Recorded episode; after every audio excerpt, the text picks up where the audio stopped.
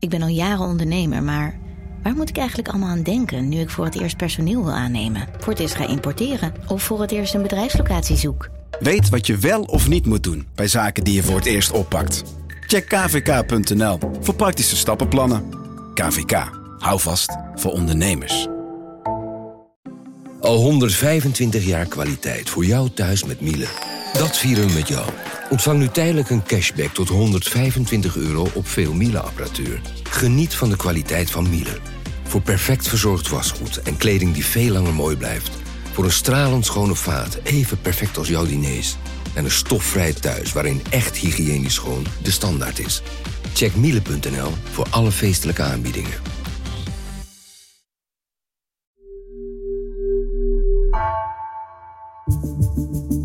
Vanaf de redactie van NRC het verhaal van vandaag. Mijn naam is Gabriella Ader.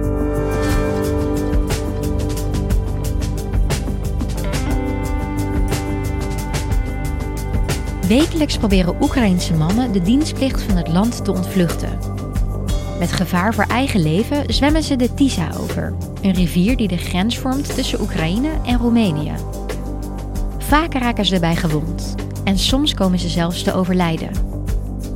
Correspondent Mark Middel bezocht de rivier en zag hoe de Roemeense grenswacht er alles aan doet om de mannen veilig op Europees grondgebied te krijgen.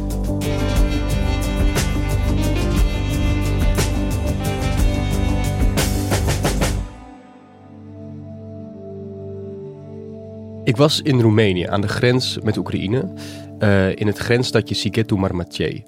En dat is een klein stadje, uh, helemaal in het noorden van Roemenië. En om uit te komen moet je allemaal bergkammen over met allemaal bossen en skigebieden. En dan kom je in een soort van vallei. En in die vallei, daar kronkelt een rivier, de Tisa. Een hele mooie groen-grijzige, meanderende rivier. En dat is eigenlijk de grens tussen de twee landen. En ik reed langs deze rivier met de 24-jarige Vlad. Die werkt bij de Roemeense grenswacht. So you do this every day, right? You go every day by car to patrol? Uh, yeah, yeah. And also in the night?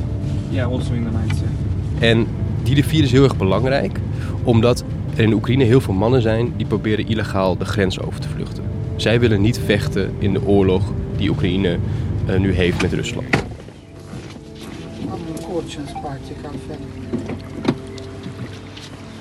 Vlatte die gaat dus eigenlijk elke dag langs die rivier en kijkt met zijn verrekijker om zich heen van nou, zijn er nog mannen, zien we nog ergens kleren liggen, uh, ze krijgen meldingen.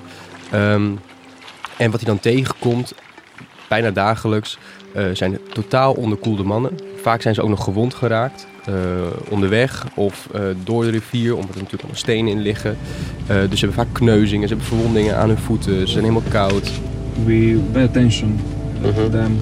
We treat them with, with maximum responsibility. En Vlad heeft achter in zijn auto een heel pakket klaar liggen. Het is alleen maar mannenkleding, droog. En dus dekens en allemaal nou, eerste hulppakketten.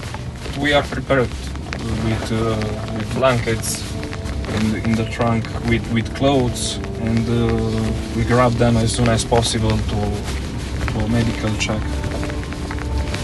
De oorlog die duurt inmiddels 500 dagen.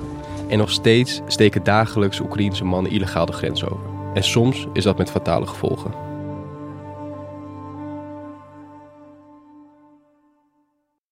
Je hebt het over uh, mannen die allemaal de grens oversteken om die dienstplicht te ontlopen. Heb jij enige idee om hoeveel mannen het gaat? De officiële cijfers zijn dat Oekraïne vorig jaar uh, 12.000 mannen heeft tegengehouden. Die dus illegaal de grens wilden oversteken. De Roemenen hebben ook cijfers bijgehouden. En daaruit blijkt dat er tot eigenlijk nu 6.500 mannen het wel gelukt is om illegaal de grens over te steken. Dus die zijn geregistreerd bij de Roemeense grenswacht. En er zijn helaas ook veel mensen overleden. Uh, dus aan de Roemeense kant hebben ze 11 doden geregistreerd in de afgelopen tijd. En aan de Oekraïnse kant 15. Maar onofficiële cijfers zeggen dat het nog om tientallen meer mensen gaat. Want er zijn nog steeds heel veel mensen vermist. En heel veel zijn gewoon dus niet gevonden. En hoe zit dat eigenlijk met die dienstplicht in Oekraïne? Hoe zit die in elkaar? Eigenlijk sinds het uitbreken van de Russische invasie in Oekraïne is het zo dat alle mannen tussen 18 en 60 jaar die kunnen opgeroepen worden om te gaan vechten in het leger. Dus met de dag uh, dat de oorlog langer duurt, wordt de kans groter dat je opgeroepen wordt. En er zijn een paar uitzonderingen, dus iedereen onder de 18 en boven de 60. Of als je minstens drie kinderen hebt of de zorg draagt van een uh, kind met een beperking. Dan hoef je dus niet het leger in, maar eigenlijk de rest allemaal wel. En wat je dus zag in die grensstad waar ik was in Roemenië, wat heel opvallend was, was dat bij de grensovergang, het is dus geen Europese Unie, dus het is geen Schengen, dus er moet echt nog gecontroleerd worden, zag je eigenlijk in de rij alleen maar vrouwen staan. In de auto's zaten vrouwen achter het stuur. Op de fietsjes uh, met boodschappentassen, uh, vrouwen die naar hun werk gaan in Roemenië en dagelijks weer terugkeren. Het waren alleen maar vrouwen, dus uh, dat was wel een op opvallend beeld. En hoe was het om daar in die grensstad te zijn? Heb je er mensen kunnen spreken? je hebt naast de grens een klein cafeetje. En daarvan wordt gezegd, weet je, alle mannen die hier zijn, dat zijn dus mensen die illegaal de grens overgestoken zijn vanuit Oekraïne. Dus wat ik heb gedaan is daar gewoon twee dagen lang bivakeren en gewoon iedereen vragen op verschillende manieren. Uh, kom je uit Oekraïne en zou je daarover willen praten? Maar het was niet makkelijk, uh, want heel veel mannen die wilden niet praten. Ze zijn natuurlijk illegaal de grens overgestoken en waren nu dan veilig in Roemenië. Eigenlijk hebben ze geen enkel belang om met NRC te praten. Maar op de tweede dag dat ik er was, sprak ik de 28-jarige Jon. Uh, cum vă cheamă? Ion. Ion? Ion. John. John. Een stevige jongen die nu al een jaar in uh, Roemenië verbleef. En illegaal nu in de bouw werkte in uh, Roemenië. En hij zei dat hij dus eigenlijk een jaar geleden, op 24 juli, uh, was hij naar de overkant gezonden. În trecut în iulie, 24 iulie, Amoiano. Hij kende het gebied heel goed, want hij komt uit een dorpje 6 kilometer van de grens met Roemenië. Dus hij zei, deze rivier de Tisa, ik vis hier, ik loop hier langs, ik heb hier kampvuurtjes gehouden. Weet je, dit is een plek die ik al heel goed ken. En hij besloot dus een jaar geleden om ook de oversteek te wagen. En vertelde hij je ook waarom hij is gevlucht? Waarom hij uiteindelijk die oversteek heeft gemaakt naar Roemenië? Jon die woonde in een klein dorpje zo'n 6 kilometer van de grens met Roemenië. Waar een Roemeense minderheid woont die ook Roemeens spreekt. Hij voelt zich dus eigenlijk meer Roemeen dan Oekraïner. Da. Eu sunt român. Noi și școala, am învățat la școală română. La noi sunt școală română aici. En op een avond, uh, toen hij zijn huis uitliep, werd hij op straat aangesproken door de Oekraïnse autoriteiten. Die schenen met een zaklamp op hem en die zeiden van ja, jij moet je melden in het leger. Da, am mers cu mașina și au venit și cu jandarmeria și cu, cu cum se numește?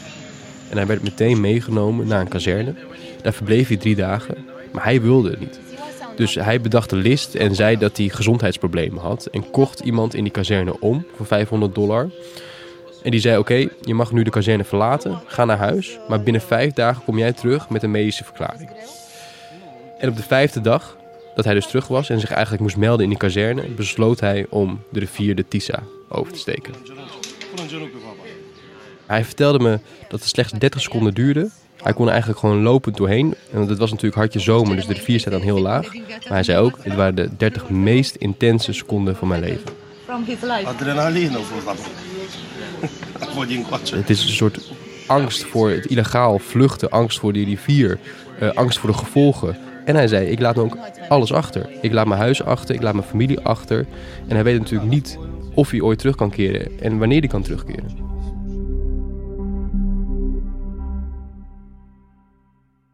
Wat deze mannen doen, hè, dat is volgens Oekraïne illegaal. Hoe kijkt de Roemeense grenswacht daarnaar? Hoe gaan ze daarmee om? Nou, ik reed dus uh, mee met de grenswacht Vlad. En die vertelde dat heel veel Oekraïense mannen bang zijn. Bang zijn dat de Roemeense grenswacht hen gaat terugsturen. We had uh, some cases when they try to, to hide from us. Because they are frightened. yeah, I, I don't know what the Ukrainian authorities are telling them, but they were scared. And what do you say to them? Calm down, everything is gonna be alright. Vlad, de grenswacht, die zegt dus dat ze heel graag willen helpen. Want zodra die Oekraïners op Europees grondgebied zijn, mogen ze dus asiel aanvragen. En uh, ze helpen hen daar ook mee. En ze hebben ook allemaal materiaal voor. Dus ze hebben allemaal nieuwe terreinwagens gekregen van de Europese Unie. En er zijn thermocamera's en helikopters vliegen over. Uh, dus het wordt die mensen die de grens oversteken. En als ze dus ergens vastkomen te zitten of de weg kwijt zijn, dan worden ze ook meteen geholpen. We give them uh, the, that European protection, you know. Ze doen er dus alles aan om mensen te redden. Maar je zei al eerder, het gaat niet altijd goed. Hebben ze je ook iets verteld over in wat voor soort situaties ze terechtkomen? Nou ja, ze vertelde dat het redden en het opvangen van die mannen natuurlijk al best wel heftig is. Want die grenswachten die zijn normaal opgeleid om smokkelaars tegen te houden. En nu komen ze dus het gewonde mannen tegen die ze uit de rivier moeten redden. Maar niet alle mannen gaan via de rivier. Sommige mensen die steken ook de bergen over. En wat je moet voorstellen, dat is een enorm groot berggebied. Dat zijn de Karpaten. Die zijn 2000 meter hoog. Er ligt sneeuw op de toppen. Ehm, er zijn niet zomaar van die makkelijke paadjes zoals we die uit de Alpen kennen, waar je even naar links en rechts kan en dan stuur je zo Roemenië in.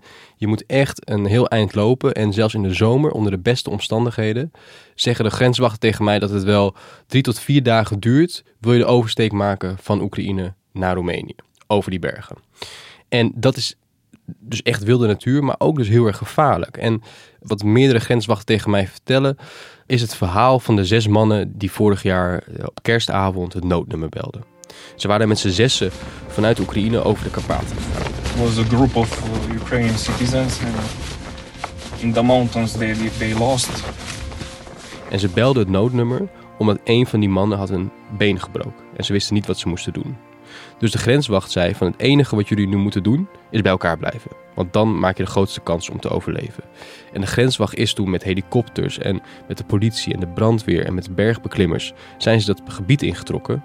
Alleen het probleem was dat het heel mistig was en het regende. Dus ze konden die mannen niet vinden. En wat bleek is dat die vijf mannen de man met het gebroken been hadden achtergelaten. We got the instructions to, to find them, but uh, they didn't listen to us. Ze zijn zelf doorgetrokken verder Roemenië in. Waarschijnlijk omdat ze bang waren alsnog teruggestuurd te gaan worden door uh, de Roemeense grenswacht. Maar even later raakt een andere man ook gewond. Die breekt waarschijnlijk ook zijn been en die kan ook niet verder. En die wordt ook achtergelaten. En pas na drie tot vier dagen wordt die groep van vier mannen die dus door was gegaan, die wordt gevonden. En even later ook die twee andere mannen. En? Die waren al overleden. Ja. En die grenswacht zegt dus ook van ja, weet je, als ze naar ons hadden geluisterd en ze waren bij elkaar gebleven, dan hadden ze nu misschien nog geleefd allemaal. I think if they, they listen to us, they uh, survived. Ja, pff, Mark, echt ontzettend naar. Hoor je meer van dit soort heftige verhalen in de omgeving? Nou, ik sprak ook met de burgemeester van een dorpje Remetie dat aan de rivier ligt. En uh, die burgemeester spreekt heel goed Oekraïens. Want er zijn een paar dorpjes in Roemenië waar nog een Oekraïense minderheid woont. En uh, hij vertelde me dat hij op een gegeven moment appjes kreeg van een Oekraïense vrouw die in Duitsland woont met haar kinderen. En die hem vroeg om haar man te helpen. Want hij wilde de grens oversteken vanuit Oekraïne naar Roemenië. Hij liet me die appjes zien die die vrouw stuurde. En het was best wel ja, schrijnend, want om zes uur s ochtends lees je dus dat die man stuurt van uh, ik zie je snel, we spreken elkaar. Zij antwoordt goed. Twee uur later, om acht uur s ochtends, stuurt hij uh, zo'n locatie. En dan zie je dat hij echt aan de grens met Roemenië is, naast de rivier. En vervolgens hoort ze niks meer van hem. Of zij belt dus, dus vraagt dus die burgemeester drie, vier dagen na dat laatste appje van... kan je mij helpen hem te vinden? Want hij is hier voor het laatst gevonden en dat is vlakbij jouw dorp en jij spreekt Oekraïens.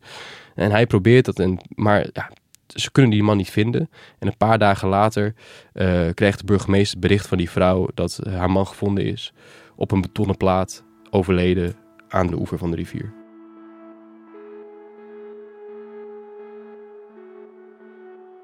Maar ik heb ook het lokale ziekenhuis bezocht in dat grensstadje. En toen werd me duidelijk dat er nog veel meer leed uh, zich afspeelde onder deze mannen. Want ik ontmoette daar Anka Marina en zij was de leidinggevende van de spoedeisende hulp in het ziekenhuis. En ze vertelde dat het dus best wel normaal is uh, dat ledematen geamputeerd worden. Dus heel veel mannen die daar komen, die hebben drie, vier dagen door de bergen gelopen of zijn de rivier overgestoken uh, en hebben bevroren voeten bijvoorbeeld. Er waren heel veel mensen met verwondingen uh, door prikkeldraad, schaafwonden omdat ze gevallen waren, kneuzingen, gebroken ledematen. En ook schoten, vertelde ze trouwens. En normaal zei ze van ja, dat zijn we op zich wel gewend, want er wordt hier best wel veel gejaagd. Maar we zijn meer jachtwonden gewend en niet schotwonden uit de oorlog.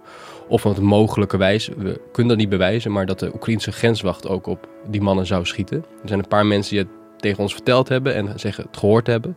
Alleen we kunnen dat niet uh, hard maken. Maar goed, dat soort dingen gebeuren.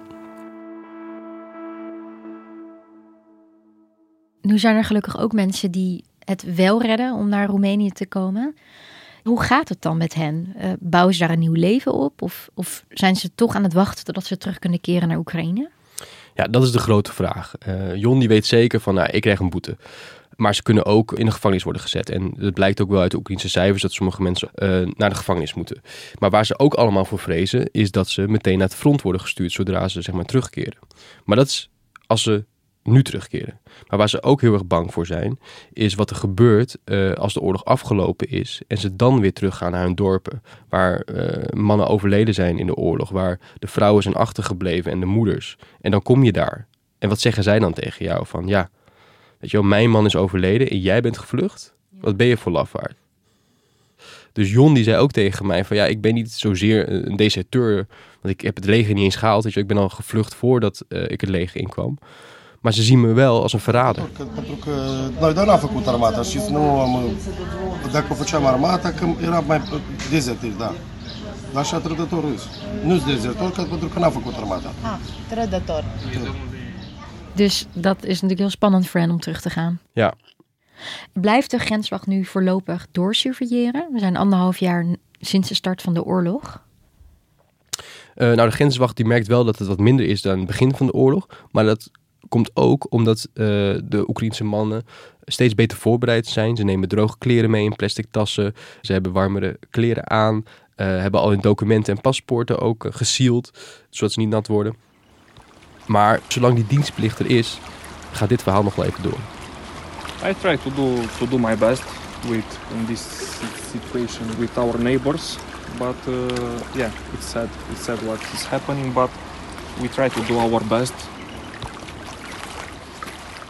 Dankjewel, Mark. Graag gedaan.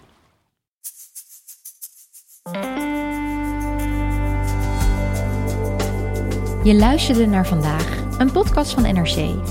Eén verhaal, elke dag. Deze aflevering werd gemaakt door Dirk Hooyer, Mila Marie Bleeksma en Jan-Paul de Bond. Coördinatie door Nina van Hattem. Dit was vandaag, morgen weer.